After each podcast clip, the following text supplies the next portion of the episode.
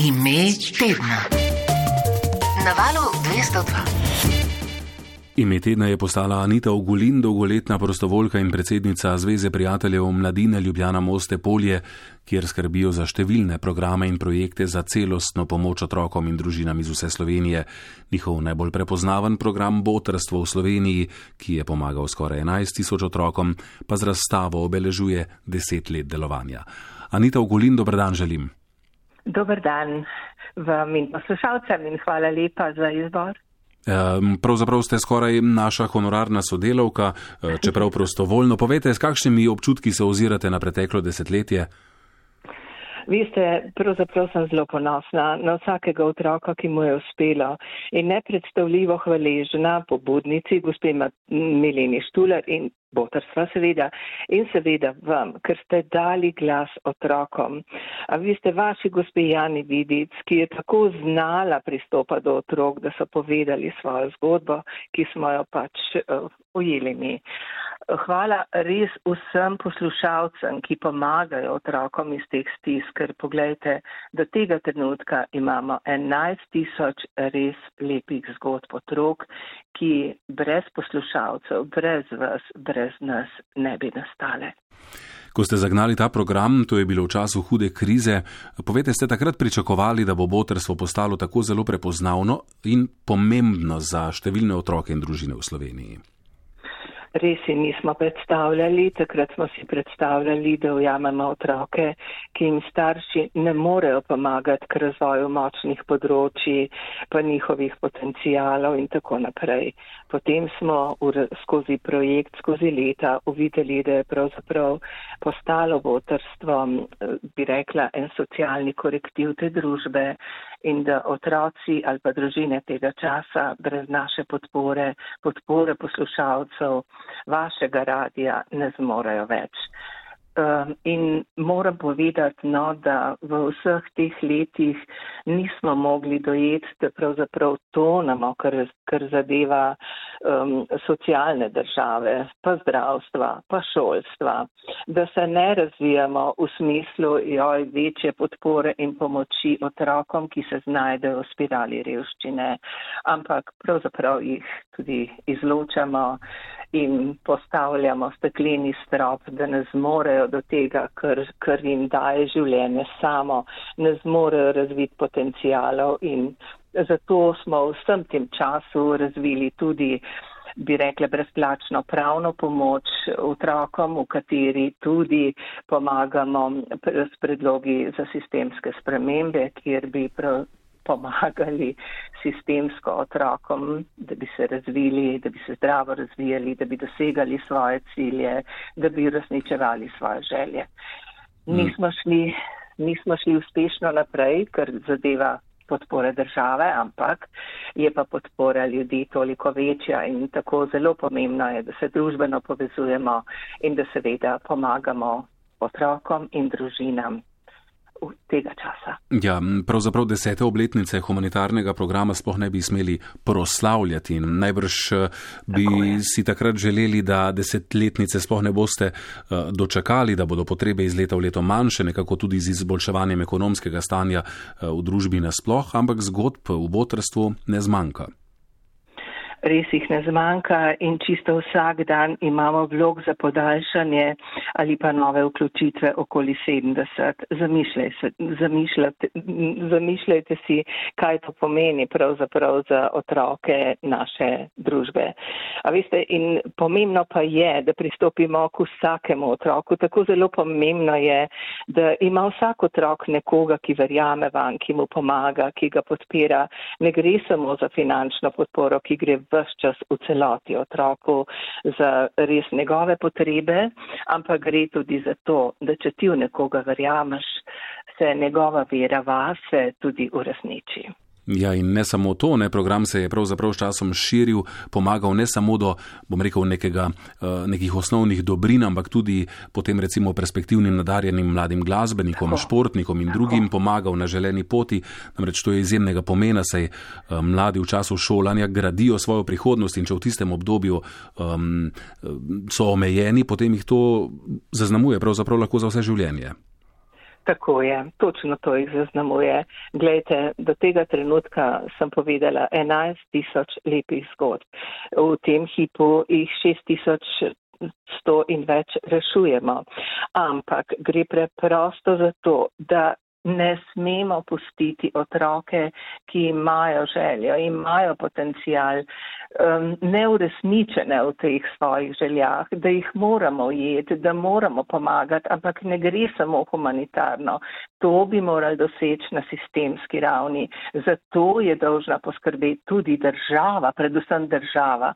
In dokler država ne, Lete, smo tukaj mi, vi, vsi skupaj in jaz verjamem, da teh 11 tisoč lepih zgodb, ki jih lahko vidite tudi na razstavi ob desetletnici, priča o tem, da se splača in kako zelo pomembno je na vse zadnje.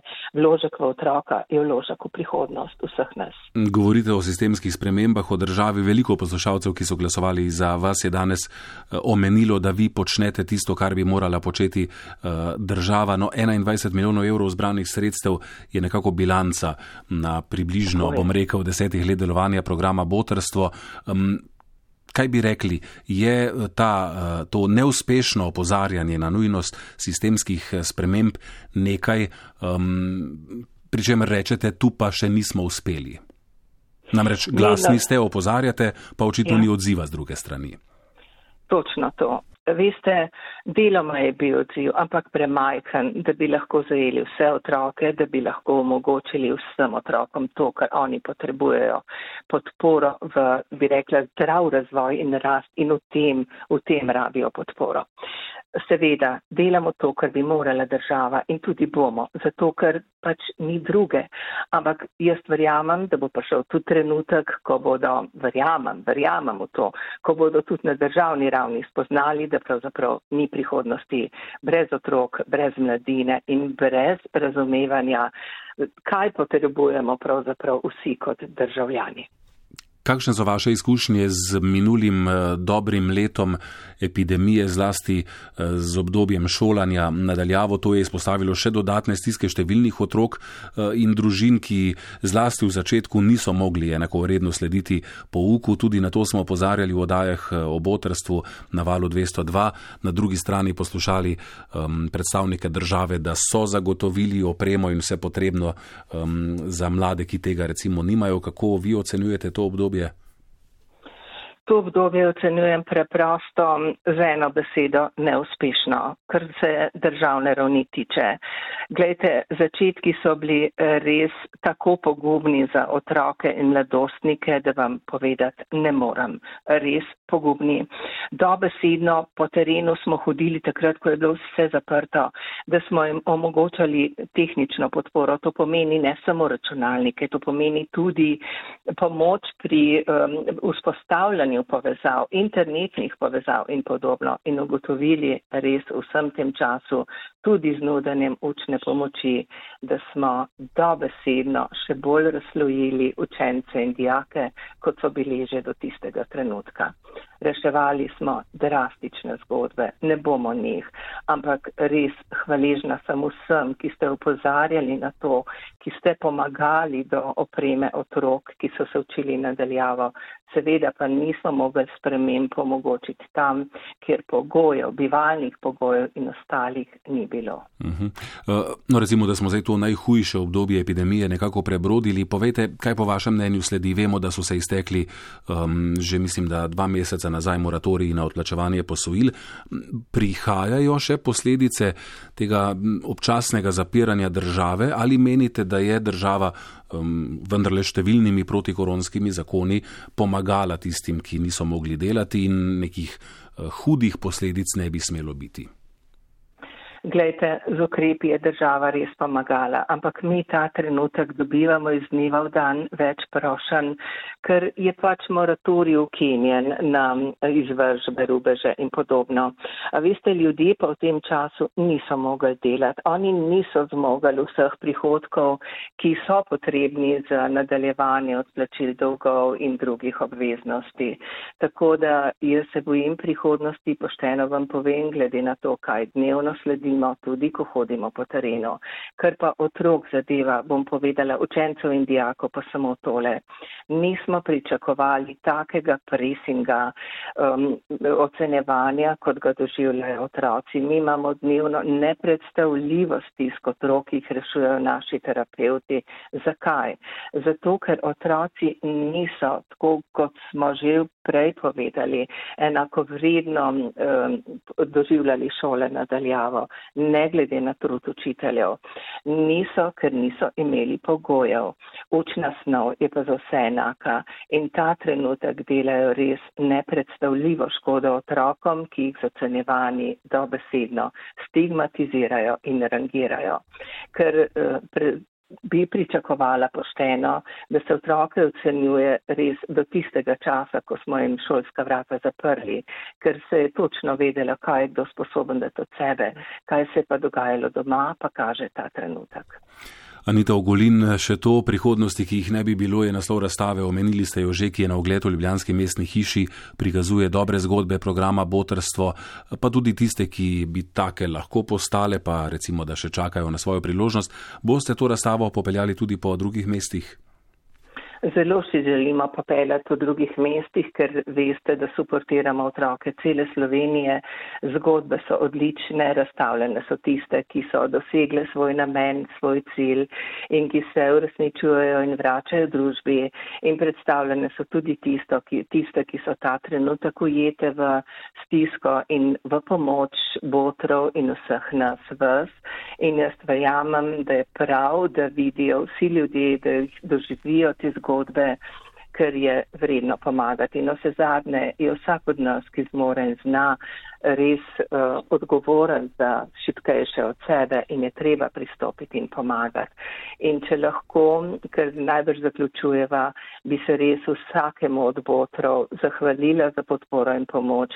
A veste, verjemite, da čist vsak cent je šel direktno do otroka, vsaka podpora in pomoč je nanizala res ali pa razširila potrebo potem, da ujamemo še več otrok in jih popeljemo do uspeha hvala tudi valu 202, Jani Vidic, vsem vam, ki ste z njimi in nami vse čas. In izkoristiva pa pozoviva ob koncu, boter 5 ali boter 10 na 1919 pomeni 5 oziroma 10 evrov programu botrstvu oziroma otrokom, ki so van vključeni. Um, Anita Ugolini, med tedna na valu 202. Hvala za pogovor in hvala za vaše eh, plemenito delo, ki ga upravljate. Hvala lepa še enkrat vsem vam in seveda vi veste, ne upravljam ga sama, imam čudovito ekipo ljudi, v katere verjamem tudi, ko me ne bo več. In pozdrav vsem skupaj. Srečno. Hvala, srečno.